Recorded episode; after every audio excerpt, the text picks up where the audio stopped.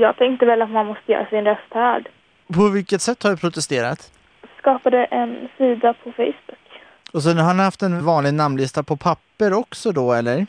Ja, som jag gick runt och satte upp i Gnesta och som jag bad några andra sätta upp i Södertälje och Mölnbo. Gnesta ligger 6,5 mil utanför Stockholm och för att komma dit så kan man alltså åka pendeltåg via Södertälje, Järna och Mölnbo. Nyligen föreslog myndigheten Trafikverket att pendeltågen bara skulle gå till Järna. Det skulle betyda att inga pendeltåg skulle gå till de mindre samhällena Gnesta och Mölnbo.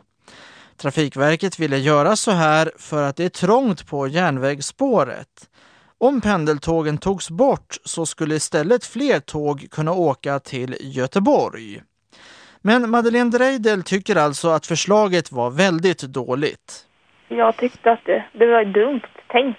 Det är så många som använder tåget, både skolungdomar och vuxna. Använder du själv ofta pendeltåget? Ja, för att ta mig till kompisar. Snart ska jag börja gymnasiet, då behöver jag ju tåget. För var ligger gymnasieskolan någonstans då? Den jag vill gå på är i Stockholms södra.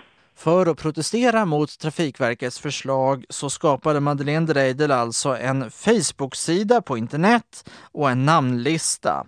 Sammanlagt var det närmare 13 000 personer som skrev på att de ville behålla pendeltåget till Gnesta. Nu har Trafikverket ändrat sig. De säger att pendeltågtrafiken till Gnesta ska fortsätta, men de skulle vilja ta bort tre tågturer per dag. Så står det skrivet i förslaget till ny tidtabell som kom idag. Men än så länge är det inte helt klart, för själva beslutet tas först den 20 september. Madeleine Dreidel är nöjd med det här nya förslaget. Att det kommer bli bra, för det kommer inte bli så stor skillnad.